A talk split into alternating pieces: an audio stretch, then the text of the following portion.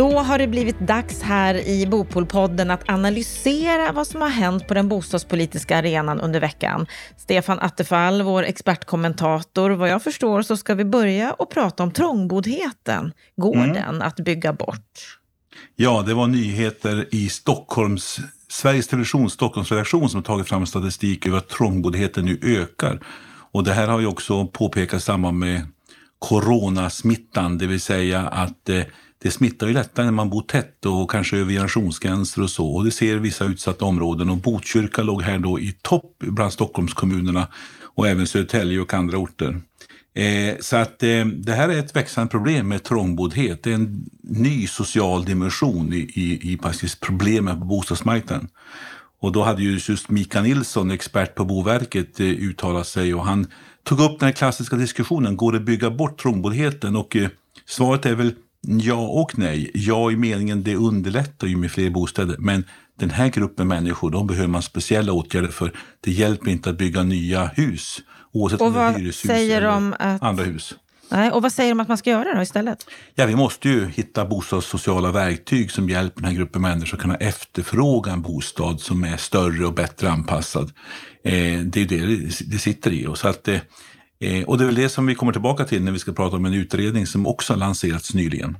Mm, vi kommer tillbaka till det och vi kommer tillbaka till den. Men först, det var en pressträff i onsdags där regeringen berättade att nu gör de satsningar på bostäder. Ja, de eh, gick ut och inbjöd till presskonferens om bostadspolitiska åtgärder och tänkte man nu kommer någonting stort här. Men eh, det visade sig vara eh, att Per Bolund, bostadsministern och socialförsäkringsminister Ardalan Shekarabi presenterade i och för sig en välkommet men en förstärkning av bostadsbidraget. De som får bostadsbidrag idag skulle få under andra halvåret 2020 eh, 25 procent mer. Och, och det är ju bra. Ja, och det kanske riktar sig speciellt kanske till ensamstående mammor med barn. Det är en grupp som är en stor bostads, bostadsbidragsmottagare. Så att det är jättebra, eh, men, men kanske lite magert med tanke på också de problemen vi pratade alldeles nyss om, trångboddhet och alla andra bostadssociala problem. Ja, du tycker inte att det var riktigt tillräckligt? Nej, och kom ihåg också att skulle de här få förändrade inkomster, då kan man bli återbetalningsskyldig. Därför att bostadsbidraget baserar sig på hela årets inkomst, inte den månad du har ont om pengar, utan vad blir snittet för året? Och det här är ett eh, problem med hela systemet. Nej, ett radikalare grepp om bostadsbidragen så att man höjer dem och eh, ger dem ett reellt innehåll. För det är ett bra bostadssocialt verktyg, men ett lite bättre och större grepp och mer långsiktigt. Inte bara en tillfällig lösning, det hade jag förväntat mig. Mm. Då kommer vi till detta med den nya utredningen som handlar om socialt hållbar bostadsförsörjning som Carolina Skog ska leda. Vad är det här för ny utredning? Ja, det är ju en socialt hållbar bostadsförsörjning är rubriken och hon ska hålla på till eh, november nästa år. Och eh, Carolina Skog är ju den tidigare kortvariga miljöministern som kom in efter att Åsa Romson lämnade regeringen. Miljöpartist från Malmö var stadsbyggnadsborgarråd där om man får översätta till Stockholmstermer. Eh, men eh, har, är, har nu rollen som ekonomisk talesman för Miljöpartiet i riksdagen.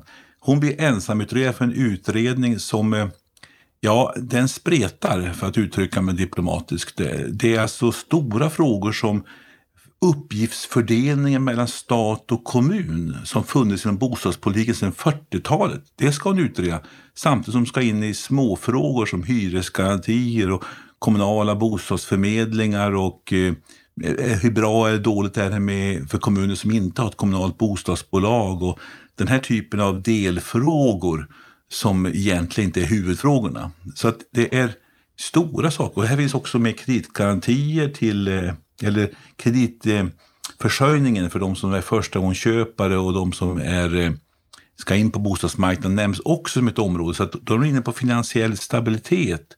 Alltså det är författningsfrågor, det är finansiell stabilitet och det är små socialpolitiska nästan verktyg inom bostadsområdet. Det spretar oerhört mycket. Så frågan är vad blir av den här utredningen? Vilket mandat har hon egentligen att göra någonting radikalt, någonting stort? Ja, det låter som att du är tveksam. Ja, alltså jag tycker den här typen av utredningar, och så en person bara, Och det är eh, Miljöpartiet har fått sin egen person att sköta. Det låter lite grann alltså, som, det luktar lite för mycket som att Socialdemokraterna har, har liksom eh, med lite kluven känsla låtit Per Bolund få tillsätta en utredning. Eh, men eh, det känns inte som att man har tagit ett riktigt tankegrepp från regeringens sida på vad man vill åstadkomma. Det ska ju vara en parlamentarisk referensgrupp knuten till utredningen och det blir intressant att se hur partierna spelar in. Men ska du få ihop någonting här så måste du ha hela regeringen bakom det och du måste också eh, ha ett tydligare fokus. Ehm, det finns en formulering här också om att hur ska man använda mark för olika sociala eh, ändamål? hur kan kommunen använda sin markpolitik?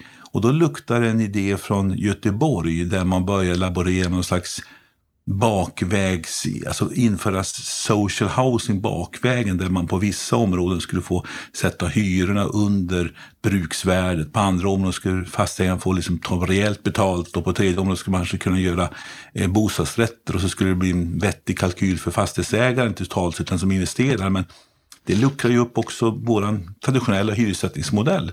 Så att Ja, det, det, det, det, finns mycket att undra över det tar vägen och jag tror säkert att Karolina Skog har höga ambitioner och vill göra ett bra jobb men, men frågan är bara, får hon göra ett bra jobb och vilka verktyg får hon och hur kommer sekretariatet se ut? Här krävs det folk med oerhört mycket kompetens.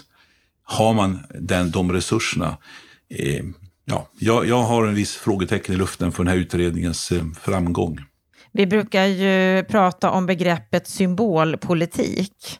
Kan det här vara någonting sånt, att man visar att vi vill någonting, vi vill göra något, men... Politik är ju mycket symboler och i den meningen har du rätt. Men jag tror nog att det finns, en, alltså jag tror att det finns ett sökande. Man, man, man har insett att vi behöver hitta mer verktyg men det låter som att man har plockat ihop en massa olika frågor och, och skickat på en utredning utan att ha själv tänkt igenom vad vill vi med det här egentligen. Ehm, och, och, det gör ju att i, i den bästa världar så finns en öppenhet som Karolina Skog kan fylla. I den sämsta världen så kommer det här bli bara en pappersprodukt som inte leder någonstans. Mm, och det kommer vi att få följa. Ett och ett halvt år har hon ju på sig med mm. den här utredningen.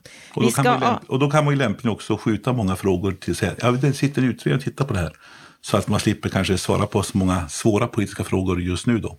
Och då kommer nästa fråga, då, kommer vi inte att se några egentliga skillnader eller några andra förslag på ett och ett halvt års tid?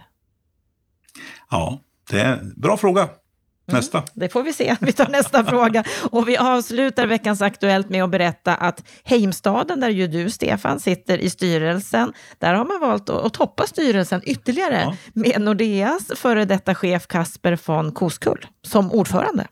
Ja, just det.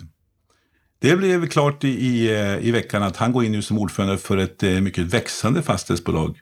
Eh, och det är ju också uttryck för att de här olika delägarna, norska eh, ägaren i Heimstaden, Alekta, Folksam och en del andra pensionsstiftelser, de eh, försöker nu att eh, lyfta sig en nivå till så att eh, man får en oberoende professionell ordförande. Och det är ju stora fastighetsvärden som börjar uppgå till 150 miljarder i, i Tjeckien, Nederländerna, Tyskland och de skandinaviska länderna. Så att det är 30 000 lägenheter i Sverige, så att det är en stor verksamhet som nu behöver få mer professionell styrelse, det är uppenbart. Är Kasper von Koskull rätt person att ta Heimstaden till nästa nivå? Jag tror att han har förutsättningar. Han har den finansiella erfarenheten, han har erfarenheter av eh, bankverksamhet. Han är en person som nu står utanför de här olika ägarkonstellationerna. Och jag eh, har ändå uppfattat att, eh, ska vi säga, sökarbetet efter en ny, ny ordförande har utgått från att hitta just en person med rätta kvaliteterna. Så att, jag ser med spänd positiv förväntan fram emot att jobba ihop med honom och hoppas att det ska göra att det här företaget tar ett kliv till framåt. Mm, då får vi önska lycka till med det. Och med det så avslutar vi veckans Aktuellt för den här veckan. Tack Stefan Attefall.